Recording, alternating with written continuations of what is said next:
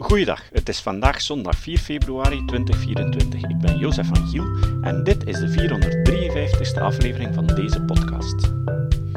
15 jaar geleden, op 27 januari 2009, heb ik deze podcast ingeleid. Op 22 februari 2009 heb ik de eerste aflevering gepubliceerd, waarin ik van start ging met uit te leggen hoe je correct argumenteert. Het was een eerste deel van een reeks van negen afleveringen over drogredenen. Of, zoals ik het toen noemde, logische misvattingen.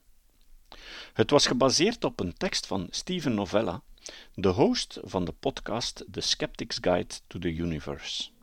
Daarmee is kritischdenken.info de eerste Nederlandstalige podcast over scepticisme en kritisch denken ooit.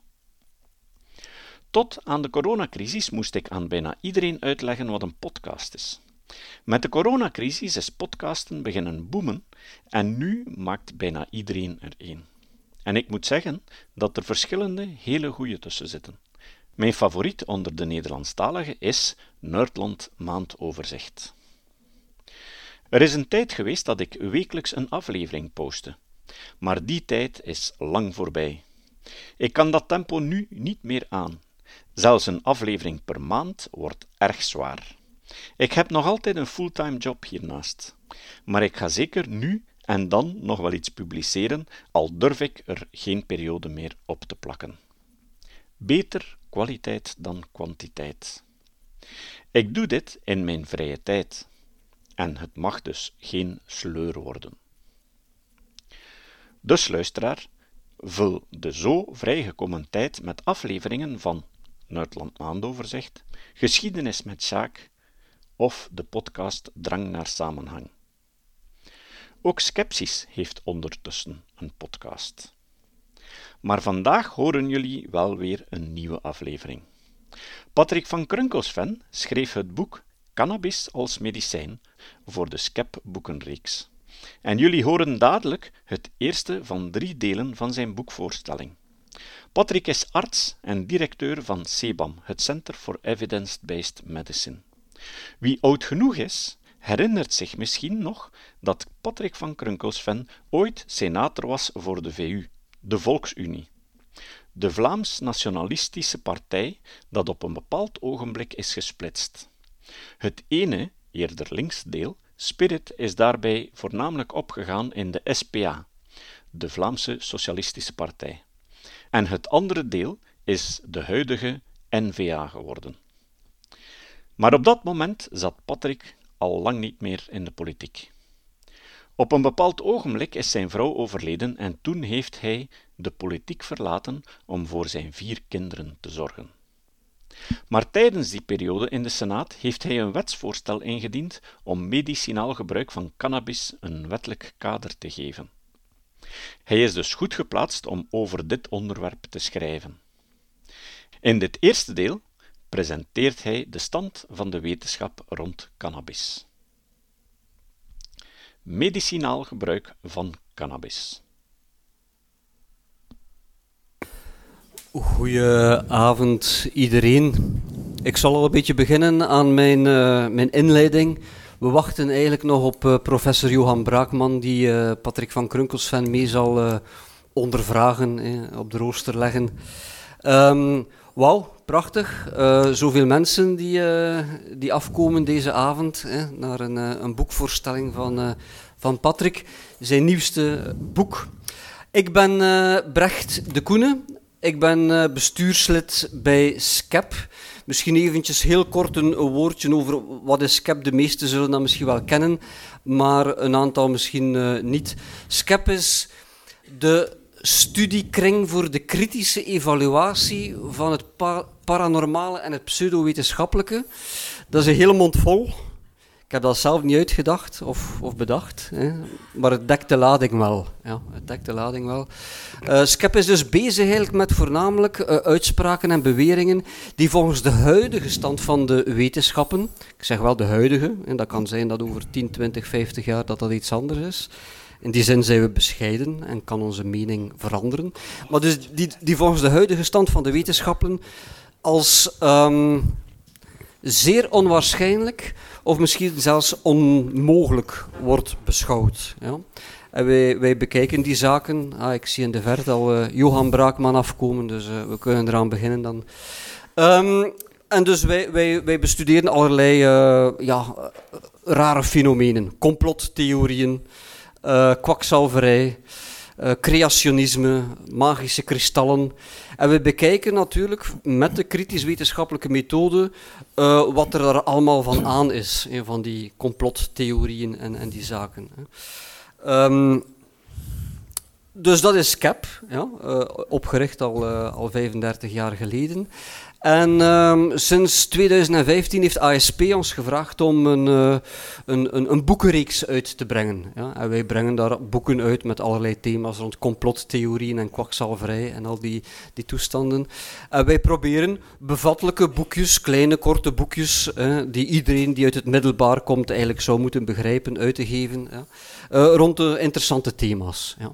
En het laatste is dus uh, cannabis als medicijn. We hebben dus zo wat meer esoterische thema's. We hebben ook uh, wat, wat, wat, meer ja, zaken die wetenschappelijker dan, dan zijn, hè, zo, zoals dit. Um, waar we kijken van um, allerlei uitspraken die worden gedaan over ja, het farmaceutisch effect van, van cannabis. Er wordt daar nogal heel wat over verteld. Wat klopt er nu eigenlijk allemaal van? Ja? Want er zit waarschijnlijk ook wat onzin tussen. Ja? Um, Mocht u geïnteresseerd zijn, zeker na uh, de lezing of de, de vragenronde, uh, zijn de boekjes achteraan te kopen en Patrick zal die dan signeren. Voor degenen die al een boekje gekocht hebben, en die, hebben eigenlijk al, die zijn al een beetje voorbarig geweest. Eerst zien en dan geloven, maar die hebben al blijkbaar een boek gekocht. Deze avond um, is eigenlijk een samenwerking van, van verschillende mensen. Het Geuzenhuis is altijd wat, wat voorstander geweest van kritisch denken. Hè. Kritisch denken is ook wat uh, het DNA van, van, van SCEP. Hè. Dus uh, het Geuzenhuis maakt dit ook mee mogelijk. Ik dacht, uh, de denktank, de humanistische denktank Quintessence, draagt hier ook aan bij. Ik denk dat, Johan, dat jij daar ook in zit. Ja, of, uh, dus moesten mensen uh, vragen hebben of zich uh, willen engageren, dan kan je altijd Johan Braakman aanspreken.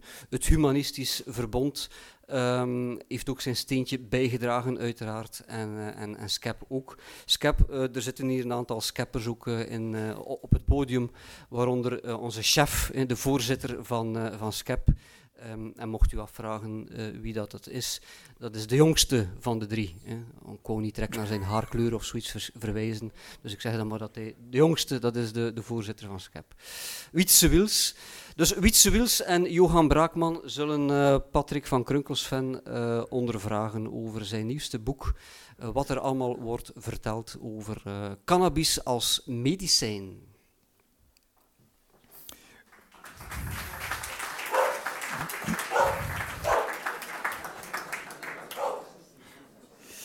Dank u.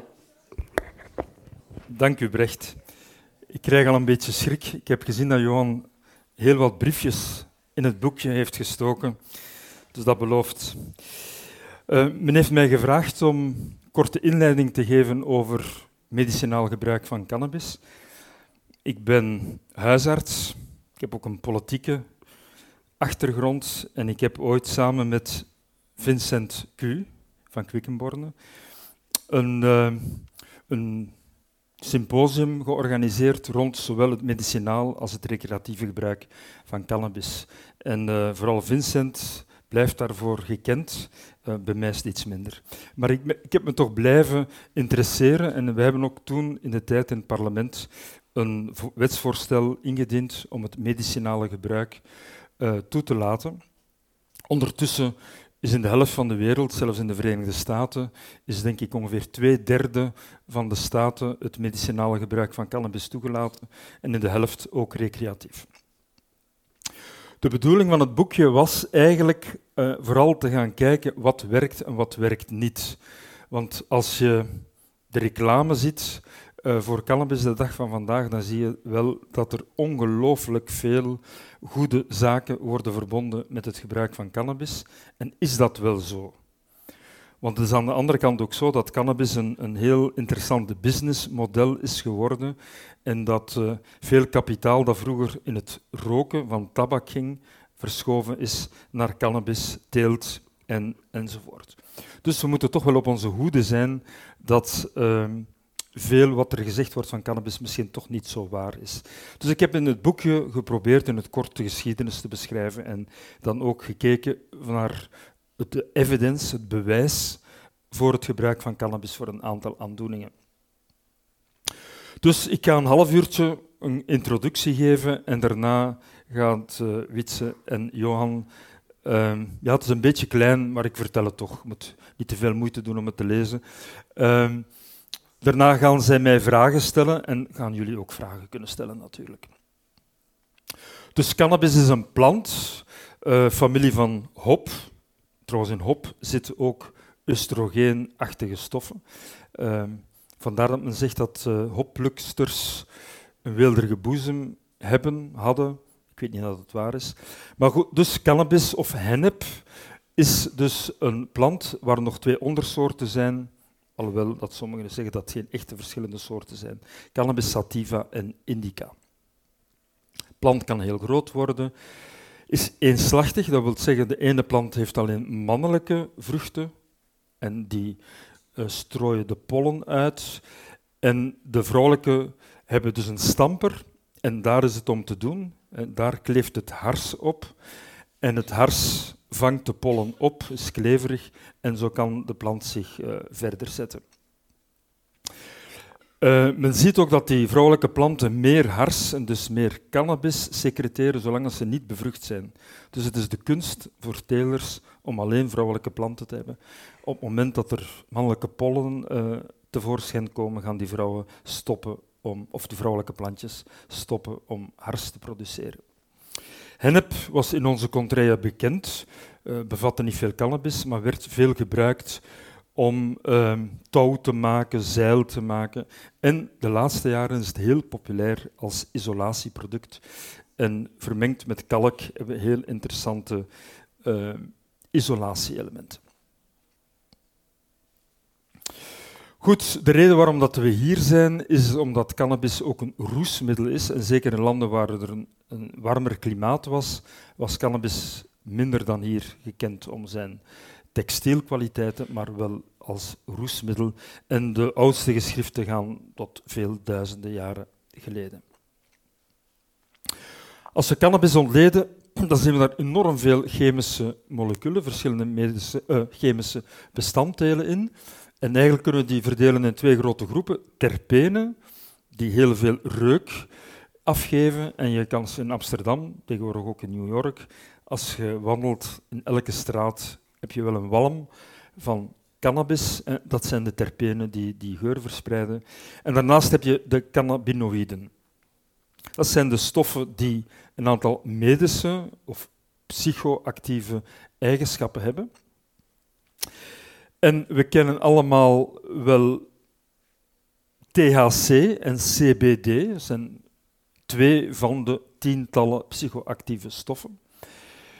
En we zien ook wel mensen die gewoon zijn van cannabisplant te gebruiken, dat die op het moment dat ze zuivere THC of THC-CBD gebruiken, wel zeggen, ja, dat is toch niet hetzelfde.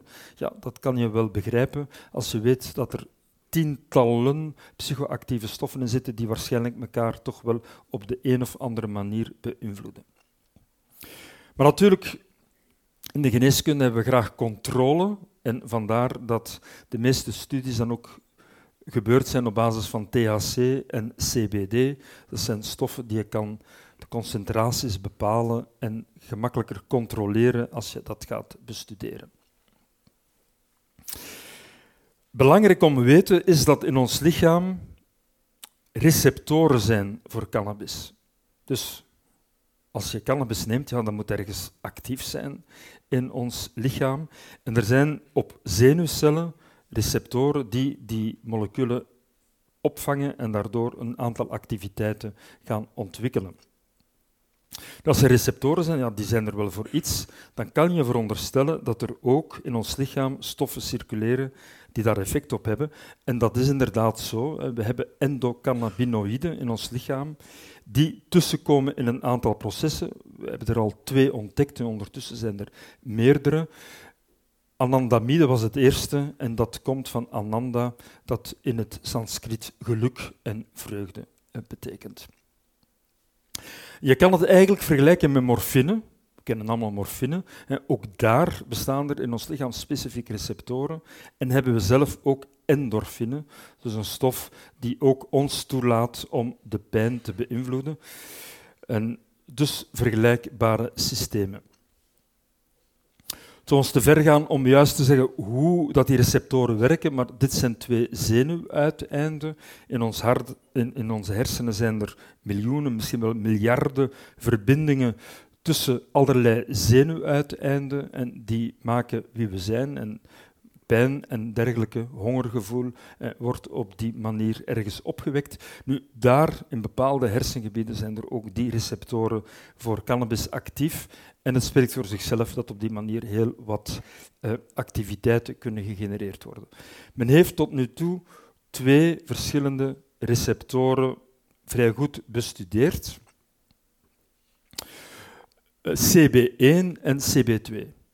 CB1 is hier lichtblauw, die vinden we vooral terug in de hersenen. Terwijl CB2, een andere receptor op andere zenuwcellen, eh, meer perifeer in het lichaam eh, verspreidt. Dus op een receptor past een sleutel.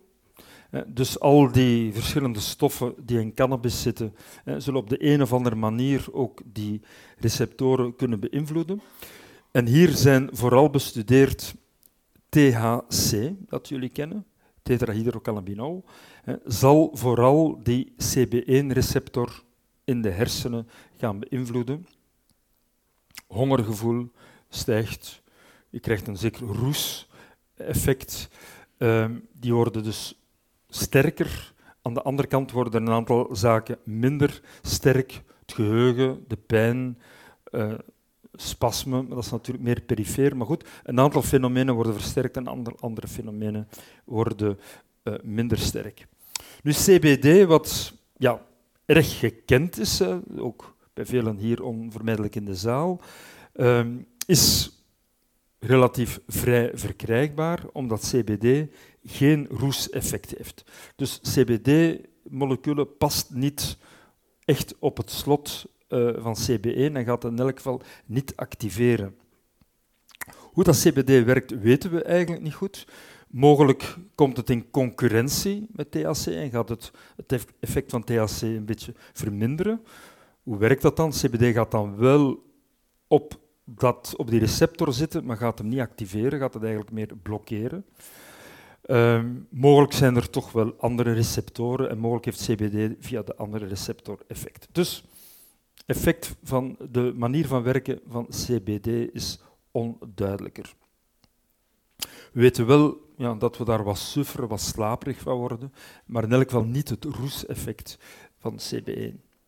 Uh, van, sorry, van THC. He, men kan ook veronderstellen dat CBD onze eigen endocannabinoïden blokkeert op de een of andere manier. Goed. Um, en dan de tweede receptor is vooral geactiveerd door CBN. Dat is een van de andere moleculen die in cannabis zitten. Uh, maar ook THC, mogelijk CBD, zullen de receptoren ook kunnen beïnvloeden. Dat heeft mogelijk wat effect op ons immuunsysteem, mogelijk ook, ook op perifere zenuwen. Veel is nog onbekend, hè, dus we weten zeker niet alles van, uh, van de werking van cannabis. Hier zie je een hele lijst van alle, allerlei gebieden in de hersenen, de hippocampus, uh, amygdala, uh, dat kennen velen misschien wel. Hè. Amygdala, twee kleine orgaantjes die vooral verantwoordelijk zijn voor onze emoties. Uh, wel, die receptor, vooral CB, CB1, zit een beetje overal in de hersenen en zal dus effecten hebben op heel wat ehm, functies van onze hersenen.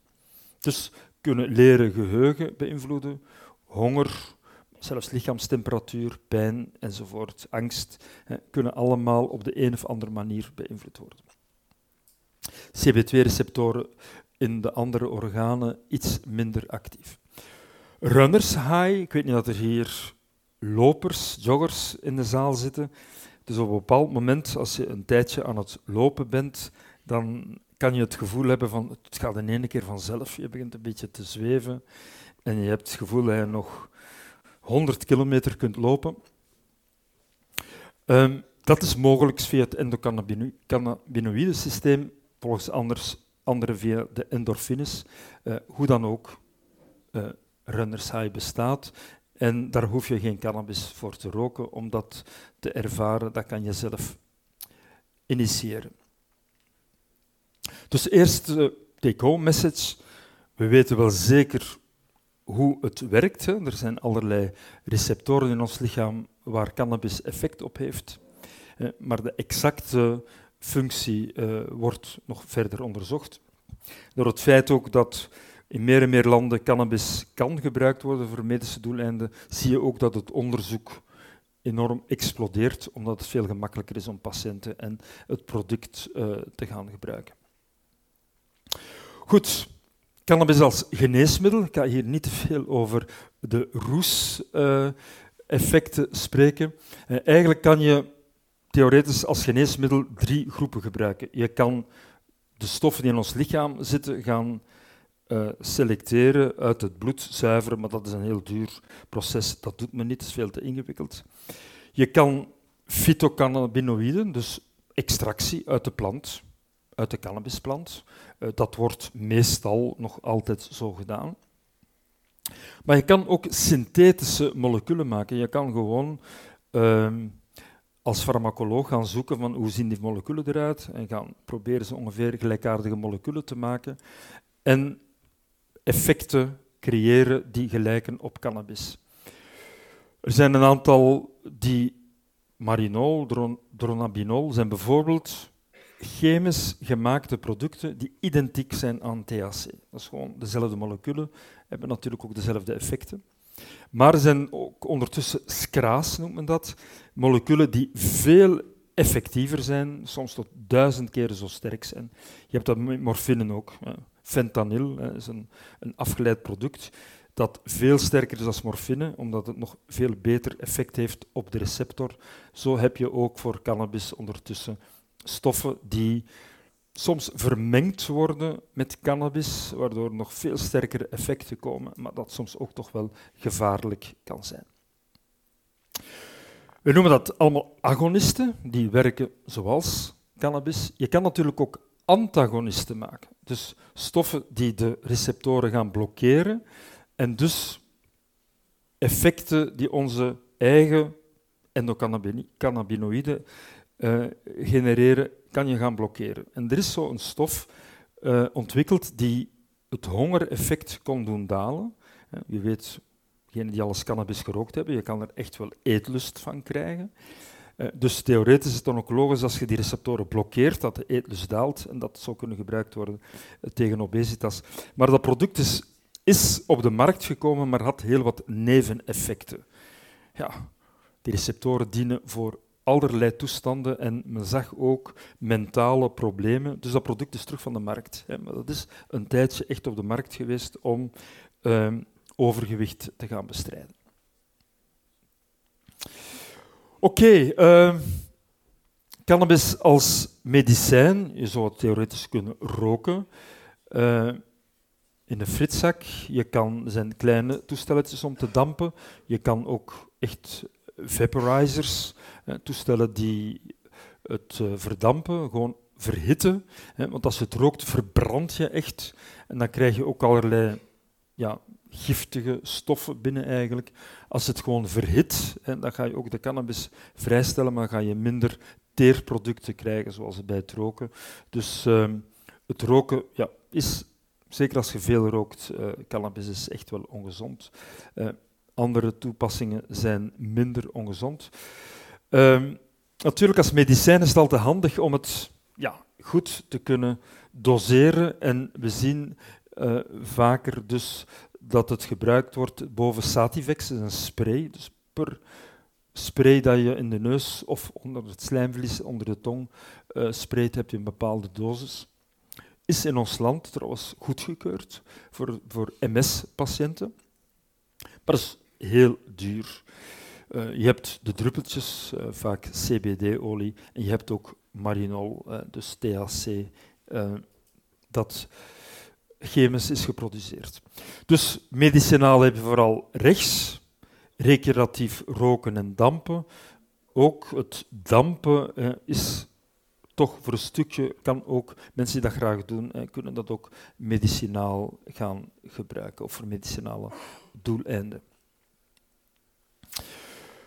Dus roken was de eerste methode waarop cannabis werd gebruikt. Het is goed beschreven. Als je rookt, zoals bij, bij nicotine, je haalt in en je krijgt eigenlijk al na een paar seconden hè, de moleculen die in de hersenen binnendringen.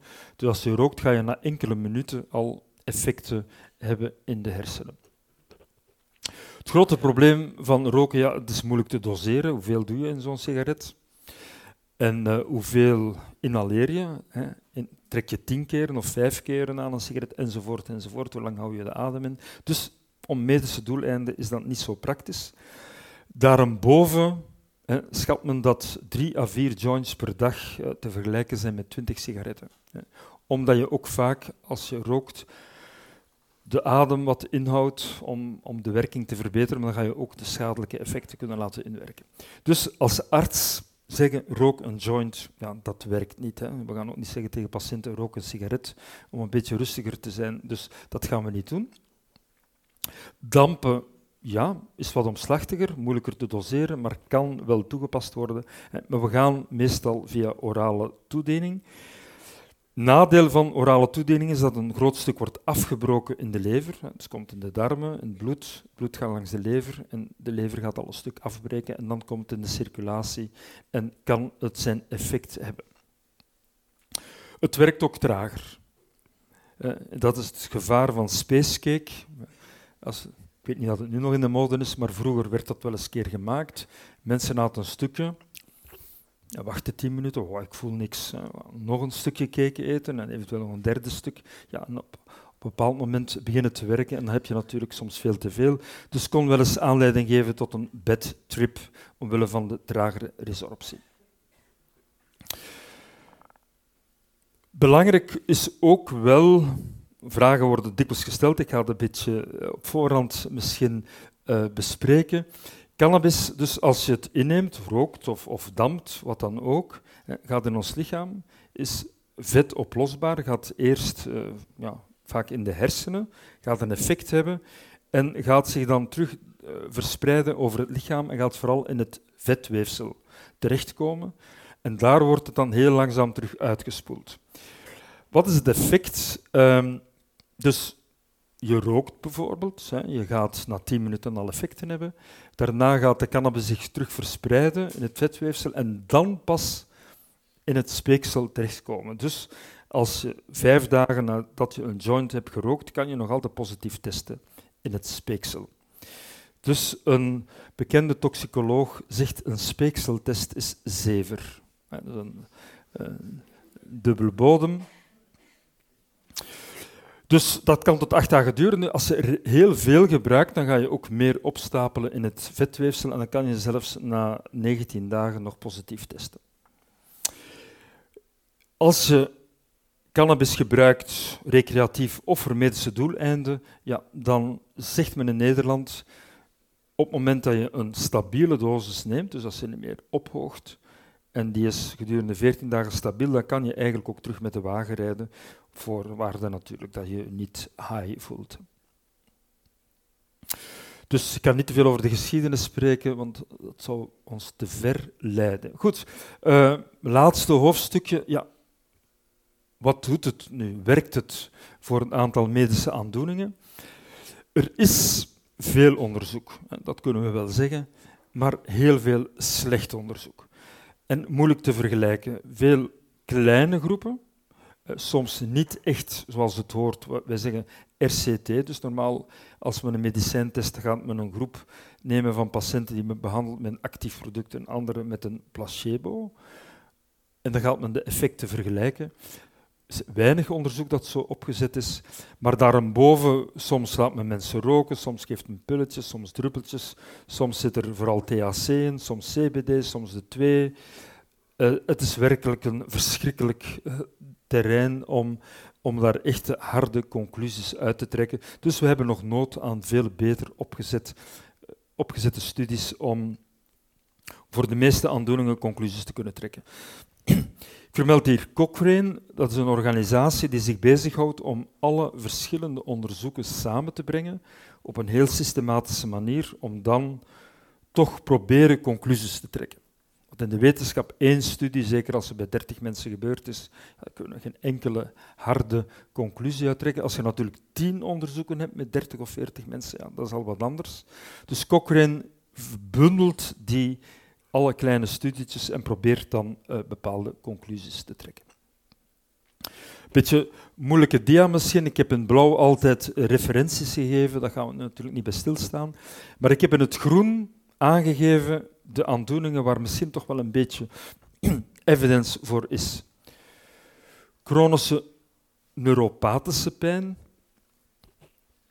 We hebben drie soorten pijnen eigenlijk. Pijnen die die ontstaan in onze receptoren, als je verbrandt of gepitst in je hand. Neuropathische pijn is pijn die ontstaat als het zenuwstelsel beschadigd is, bijvoorbeeld bij MS-patiënten. Dat is een typisch voorbeeld of iemand die een dwarslesie heeft. Uh, dan ontstaan er neuropathische pijnen die in de zenuw zelf ontstaan. En cannabis zou daar wel kunnen bij werken. In het rood kroon, dementie, epilepsie bij volwassenen, uh, allemaal geen effect. Uh, we hebben wel misselijkheid, gebrek aan eetlust.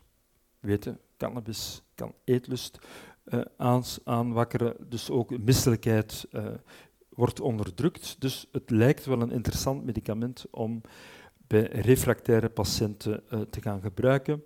Multiple sclerose is ook combinatie van pijn en, en spasme een interessante indicatie.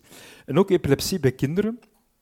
CBD dan vooral, Lennox-Gastaut en Dravet-syndroom zijn twee ehm, vormen van epilepsie waar het goedgekeurd is door de Food and Drug Administration en ik denk ook al door het EMA in Europa als dus indicatie voor, voor cannabis. Um, en dan van onder staat er ook nog chronische pijn, dat is bijna van de dia afgevallen. Uh, dat is misschien nog wel de interessantste indicatie, maar dat is het wel zo wat. Ik heb in mijn boekje misschien nog wel een twintig andere aandoeningen beschreven, maar eigenlijk is er voor geen enkele andere aandoening voldoende evidence. Ik ga die allemaal niet opnoemen, uh, maar dit zijn zaken die we zouden kunnen gaan behandelen met cannabis. En meestal alle grote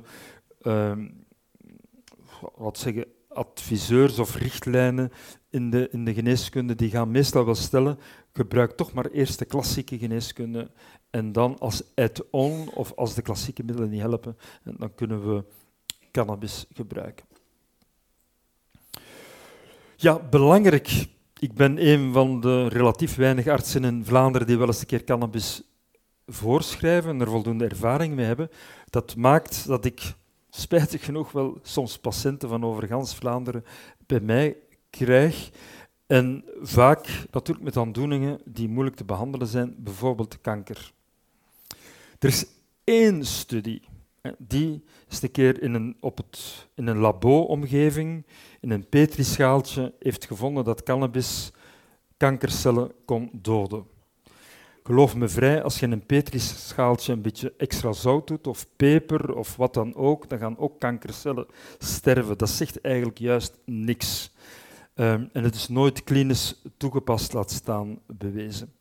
Het kan wel eventueel als ondersteuning gebruikt worden als je misselijk bent of je verdraagt chemotherapie minder goed en dan, of pijn ook. Dat zijn allemaal dingen die eventueel wel kunnen um, gebruikt worden of toepassingen kunnen zijn. Mental disorders, dus ja, men heeft nogal eens de neiging om, om cannabis daarvoor in te zetten. Het is eigenlijk een beetje andersom. Als er nu één probleem is, toch dat we zien bij cannabisgebruik, zeker bij jonge mensen, zeker bij recreatief gebruik, is het ontstaan van psychose, het ontstaan van schizofrenie. En dat is toch wel een van de ja, gevaarlijke nevenwerkingen. Laat staan dat je het in die indicatie zou gaan gebruiken. CBD, combinatie van THC en CBD, kunnen misschien wel wat rustgevend zijn, maar of dat dan een goede behandeling is voor angst. We hebben er andere goede producten voor en die we liever ook niet te veel gebruiken, omdat er altijd wel een verslavend effect kan zijn. Maar dus voor depressie, psychose, posttraumatische stresssyndroom is eigenlijk weinig uh, evidence om te gebruiken. Ik sta nog een paar minuten stil bij chronische pijn, omdat ik zelf betrokken ben in, in een onderzoek um, dat gepubliceerd is. De BMG is toch wel een, een toonaangevend tijdschrift. En er is een groep waar ook wij in Leuven mee samenwerken, internationaal, die probeert rond zeer specifieke thema's aanbevelingen te schrijven. We doen dat met systematische methoden. Ik sta er nu ook niet bij stil. Maar um, wat we gedaan hebben is standaardbehandeling voor pijn. En dat kon van kankerpijn tot tot ja, rugpijn, wat dan ook. Wel chronisch. Hè. Niet voor acute pijn, maar wel voor chronische pijn, die dus minstens een aantal maanden duurt. En standaardcare werd vergeleken met standaardcare en dan on top of it het gebruik van cannabis. Dus zowel kanker als niet-kankerpijn en ook de drie soorten pijnen, de neuropathische, nociceptieve, wat de klassieke pijn is. En dan ja, een nieuw begrip, nociplastische pijn, toch wel een groot probleem in onze samenleving. Dat is dat mensen met rugpijn, vaak ten onrechte geopereerd, en waar eigenlijk in onze hersenen, die overprikkeld zijn door de pijn, pijn blijft, ook als de oorzaak eigenlijk weg is. Uh, het is nu wel heel kort door de bocht misschien, maar goed, een begrip dat we eigenlijk geen echte prikkeling niet meer vinden, maar waar de pijnwaarneming in de hersenen nog wel bestaat. Dus al die soorten pijnen werden geïncludeerd. We hebben alle mogelijke studies uh, verzameld. En het ging dus over mensen die toch, als je van 0 tot, tot 10 ging, dus minstens toch wel ernstige chronische pijn hadden. Wat was de aanbeveling? We zouden kunnen zeggen, uh, tegen het gebruik van cannabis, zacht of heel sterk tegen, of heel sterk voor het gebruik. Nu, de conclusie van alle studiemateriaal dat we samengebracht hebben en de bespreking met deskundigen, waar ook patiënten bij betrokken waren, pijnspecialisten enzovoort, is dat if standard care is not sufficient, dus als standaardbehandeling niet volstaat om pijn goed onder controle te brengen, dan is uh, cannabis wel verantwoord om het te gebruiken of proberen te gebruiken om de pijn te gaan uh, behandelen. Dat is een schemaatje, daar zeggen we per duizend mensen zien we dat hier 620 mensen voldoende pijnstilling hadden met cannabis on top, ten opzichte van 520 in de andere groep waren ook wat meer mensen die hun dagelijkse activiteiten konden, uh, konden uitvoeren. En ook een aantal mensen ondervonden een betere slaap. Nu, die cijfers zijn niet overweldigend. We moeten daar toch bescheiden in blijven. Eh, en eigenlijk kunnen we zeggen dat als je tien pijnpatiënten hebt, dat waarschijnlijk één, misschien twee op de tien met cannabis een beter resultaat gaan hebben blijft dus zeer beperkt. Maar aan de andere kant is chronische pijn een fenomeen waar we weinig goede middelen voor hebben. Dus een, een middel, er zijn veel andere medicijnen die worden gebruikt, ook uh, epilepsieproducten die bij pijn worden gebruikt. En ik zie ook in de praktijk dat die ook meestal geen effect hebben. Dus misschien in een terrein, chronische pijn, waar we weinig goede middelen hebben, is die 10% misschien toch niet zo slecht. Maar je ziet hier ook een aantal neveneffecten van mensen die dan toch cognitief zich wat verwarder voelen eh, of wat draaiingen hebben. Dus het heeft ook wel af en toe uh, nevenwerkingen. Misschien nog een één plaatje hier ook. Mensen vragen wel eens een keer, ja, wat is THC, werkt CBD? We zien toch dat bijvoorbeeld op die pijn, naarmate er meer THC in het middel zat dat men gaf, eh, eigenlijk het effect toch wel toenam. Dus hier alleen CBD en hier ongeveer alleen THC. En men ziet toch wel een, een duidelijk verschillend effect. Hoe is de situatie in België? Het, het FAGG, federatie die, die uh, heel het medicatiebeleid coördineert in België, heeft op een bepaald moment op vraag van de minister eens een keer een, een, bundel, een, een, studie gemaakt. En zij kwamen tot de conclusie dat in, in die aandoeningen, maar het is altijd een beetje hetzelfde ook wat uit de literatuur blijkt, het als add-on-therapie wel verantwoord was om het in die uh, indicaties te gebruiken. En ondertussen is het dus voor multiple sclerose, sclerose op de markt, voorwaar dat een neuroloog de, de diagnose stelt. De pijnspecialisten, die soms ook uit andere sectoren komen, zijn daar niet zo uh, tevreden mee, weten dat alleen de neurologen die toestemming mogen geven. Nevenwerking, ik heb het denk ik al uh, vermeld, ja, longkanker natuurlijk bij het roken, maar ook afhankelijkheid. Er is lang gezegd, cannabis geeft niet zoveel afhankelijkheid, maar het bestaat, hè, zeker en vast. Uh, ontstaan van psychose, mogelijk zelfs depressie en langere termijn effecten, wat doet het met de cognitie, zeker bij jonge mensen, is weinig bekend. Maar belangrijk is wel dat al die, die effecten zijn vooral beschreven mensen die recreatief uh, cannabis gebruiken, misschien ook soms heel veel. Uh, als we gaan kijken in patiënten die cannabis gebruiken, dus gecontroleerd, meestal wel lagere dosissen, dat die neveneffecten toch redelijk beperkt zijn. Dus zeker die zwaardere effecten zien we zelden bij medicinaal uh, voorgeschreven cannabis. Goed, conclusie. Eh, THC en CBD zijn stoffen die werken. We plaatsen in de, ons lichaam waar ze aangrijpingspunten hebben.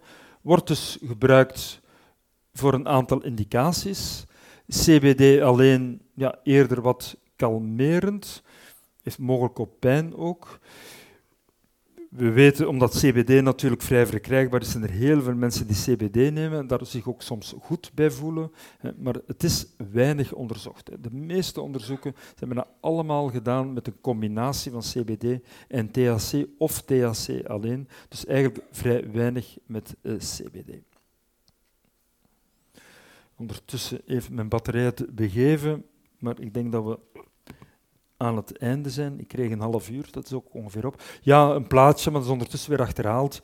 Dus gebieden in de wereld waar het uh, kan gebruikt worden voor recreatief of, uh, of medicinaal gebruik. Zuid-Amerika bijna helemaal, medicinaal Australië, maar dus ondertussen Amerika uh, ook.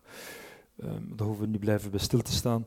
Dus in, in België is er niet zo lang geleden, onder de tijd van Magie de Blok, nog wel een wet gestemd die de productie reglementeert. Maar dat is eigenlijk vooral een louter economisch punt.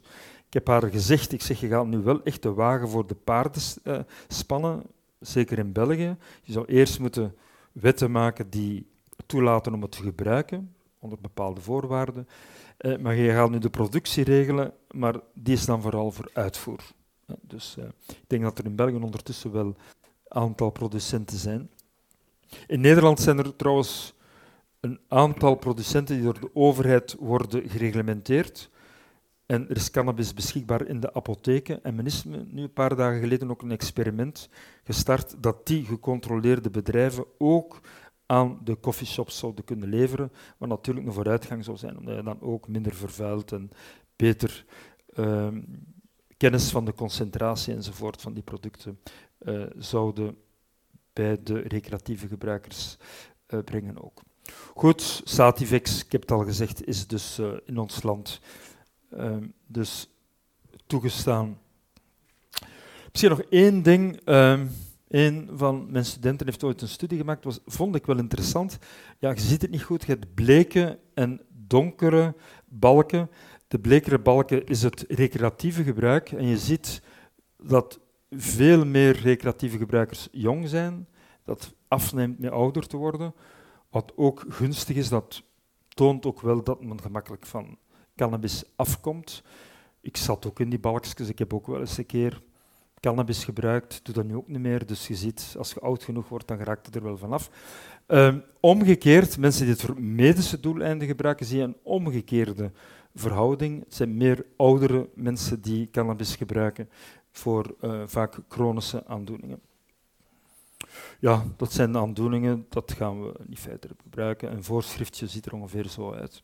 Voilà, dat was onze inleiding. 35 minuten. Dank u wel. Gewoon, alsjeblieft.